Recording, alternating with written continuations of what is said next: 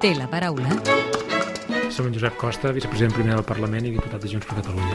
Josep Costa, gràcies per atendre'ns a l'hemicicle de Catalunya Informació. Gràcies per convidar-me. Aquesta setmana el Tribunal Suprem ha confirmat la inhabilitació de Quim Torra. Confia que aquesta causa es pugui guanyar a la justícia europea?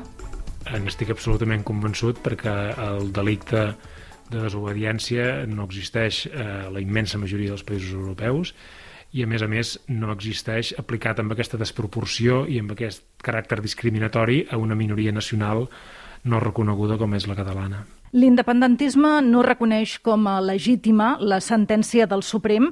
Creu que s'hauria d'haver desobeït? Jo crec que és evident que no és una sentència legítima perquè és d'una justícia que està en moda por ellos i que està en moda de a, a repressió i represàlia per la, per, per la nostra aposta per la independència.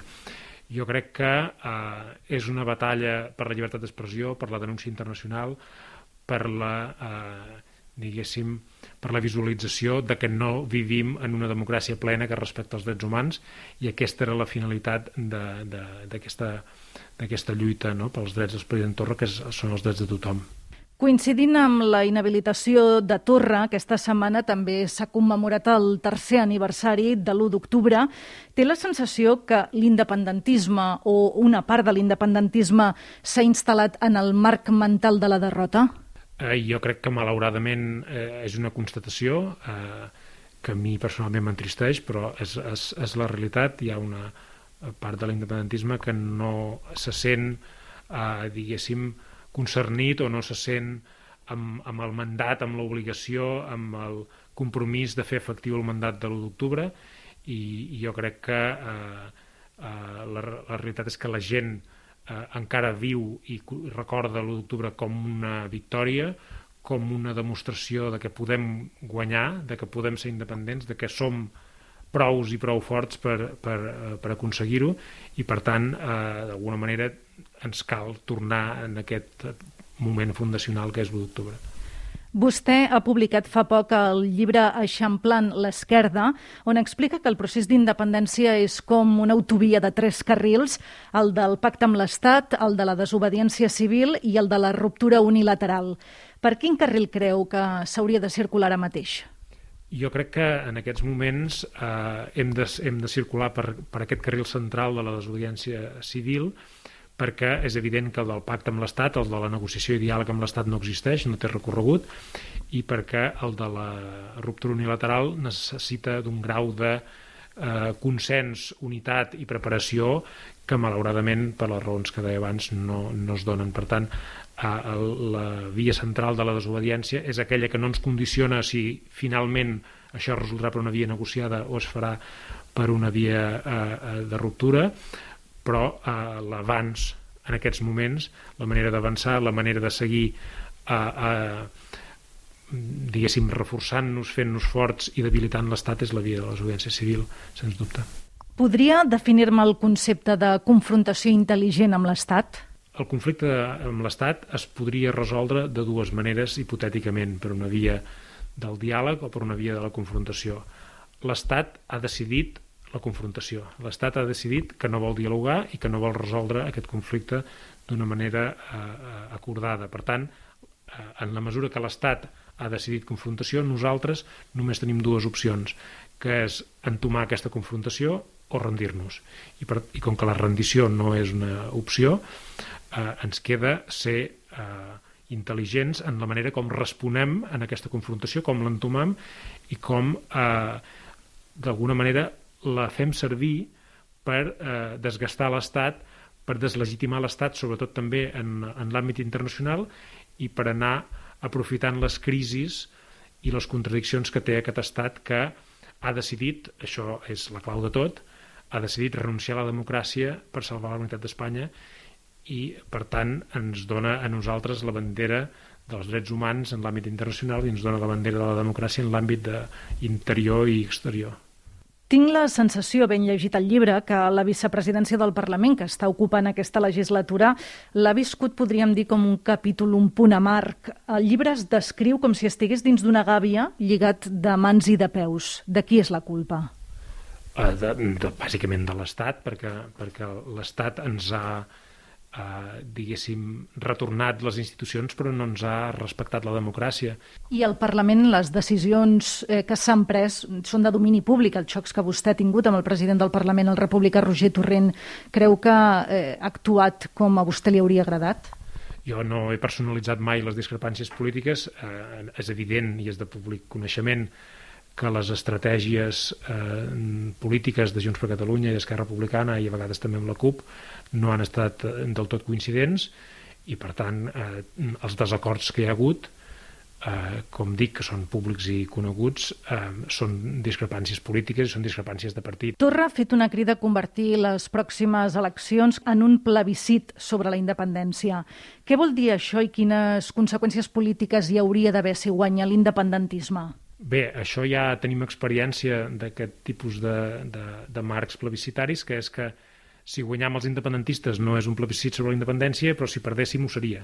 No? Si perdéssim eh, ens dirien que ens han derrotat i que ens han eh, finalment apartat de, del, del govern i que la gent no vol la independència. Per tant, com que sabem que si l'endemà no tenim una majoria independentista clara i que eh, consolidi la fidelitat al, al mandat de l'1 d'octubre, la lectura a Espanya, a Europa i al món serà que Catalunya ja no vol la independència, és evident que hem de tornar a votar en clau de reforçar la majoria independentista i de ratificar el mandat de l'1 d'octubre.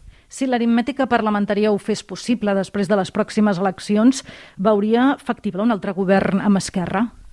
Jo crec que um, la gent uh, decidirà amb el seu vot quines són les aritmètiques parlamentàries. Uh, quan tu et presentes a les eleccions aspires a guanyar, aspires a tenir majoria suficient per governar i en tot cas nosaltres som una opció que està compromesa amb l'1 d'octubre i amb el mandat polític en deriva de fer la independència i per tant nosaltres hem d'apostar per eh, investir un govern compromès en fer la independència. No només que es digui independentista, no només que hi hagi partits independentistes, sinó que tingui un projecte i un programa per fer la independència.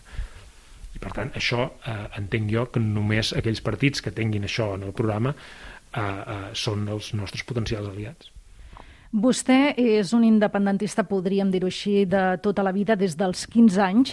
El que desconeix molta gent és que vostè estava vinculat a Esquerra Republicana, fins i tot va fundar les joventuts del partit, la GERC, a la seva illa natal, a Eivissa. Què el porta Junts per Catalunya? Uh, jo crec que m'hi ha portat la coherència i el compromís amb l'1 d'octubre i eh, sempre he tingut la, la certesa i la, i la diguéssim, la, la tranquil·litat de consciència de que jo no m'he mogut en els meus posicionaments polítics i crec que avui qui millor defensa els posicionaments polítics que jo he defensat tota la vida és Junts per Catalunya. El seu pare era pagès i la seva mare, si no ho tinc malentès, brodava roba tradicional a Ibicenca. Podem dir que ve d'una família poc polititzada. Per què vostè va fer el salt a la política? Um, és una pregunta que, que segurament no me l'he sabut contestar mai ni a mi mateix. Jo crec que tots d'alguna manera estem concernits amb, el, amb, amb la societat i amb el futur que tenim com a poble. Jo crec que he, he arribat a la política per la via de, de tenir una consciència nacional. És a dir, primer adquireixes una consciència nacional, una, una identitat, una consciència de que, eh, de que tens una llengua que no és respectada, que tens una cultura que l'Estat la discrimina i que per tant això t'aboca a, a, a, una, a una proposta política o una idea política de que necessitam tenir el nostre propi estat. I jo crec que ha estat aquesta diguéssim la, la meu, el, el meu trànsit cap a la política. És puntual? Jo crec que sóc conscient de, de quan puc o no puc arribar tard. Digui'ns un defecte.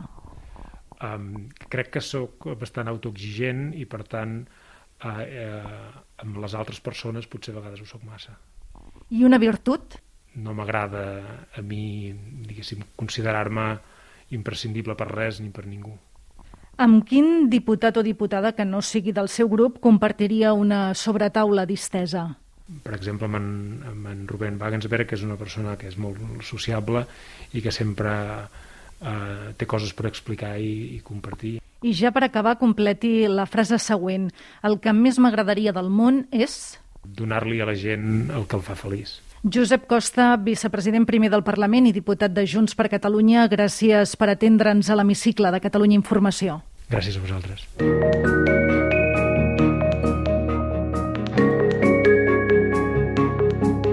Podeu tornar a escoltar l'Hemicicle al web catradio.cat barra hemicicle o al podcast del programa i seguir l'actualitat del Parlament al perfil de Twitter arroba L-hemicicle.